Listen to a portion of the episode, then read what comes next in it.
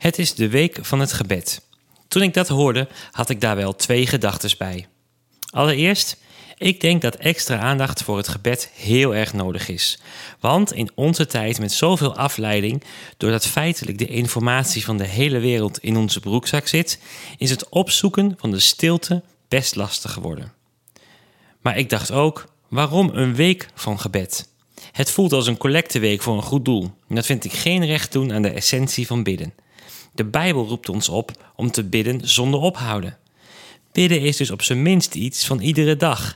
En dat gaat niet stoppen na deze week. De kerk zou eigenlijk een permanente campagne moeten voeren om iedereen aan te sporen de drukte van het leven dagelijks te ontsnappen voor tijd met de schepper. Maar goed, misschien vestigt de week van het gebed wel de aandacht op de verkeerde prioriteit.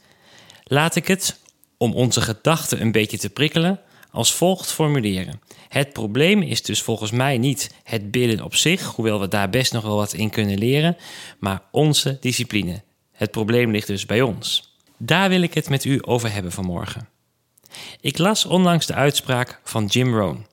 We moeten allemaal lijden aan één van deze twee dingen: de pijn van discipline of de pijn van spijt. En hij heeft gelijk. Gebed vraagt discipline, maar de consequenties van het niet zorgen voor een goed en gezond gebedsleven doet veel meer pijn dan de discipline voor het bidden opbrengen. Sommige wetenschappers zeggen dat je een nieuwe gewoonte kunt opbouwen als je het 21 dagen kunt volhouden. Als ik dat onderzoek serieus zou nemen, zouden we op zijn minst drie weken van gebed moeten gaan houden. Een aantal kerken houdt aan het begin van dit jaar 21 dagen van gebed en vasten. Dat zou op basis van het onderzoek naar gewoonteverandering een beter begin van het nieuwe gewoonte moeten zijn. Ik vind de combinatie met vasten ook een hele mooie. In mijn geval versterkt het vasten de bewustwording. Je laat iets. Weet u, ik hou van sport en ik vind het altijd interessant om sporters te volgen die succesvol zijn in hun tak van sport. Voor mij is de route die ze afleggen naar het succes misschien nog wel interessanter dan het succes zelf. Bijna unaniem is de emotie van de winnaars van goud dat het het waard was om hier zoveel voor te laten. Ik denk ook dat dat de topsporter kenmerkt.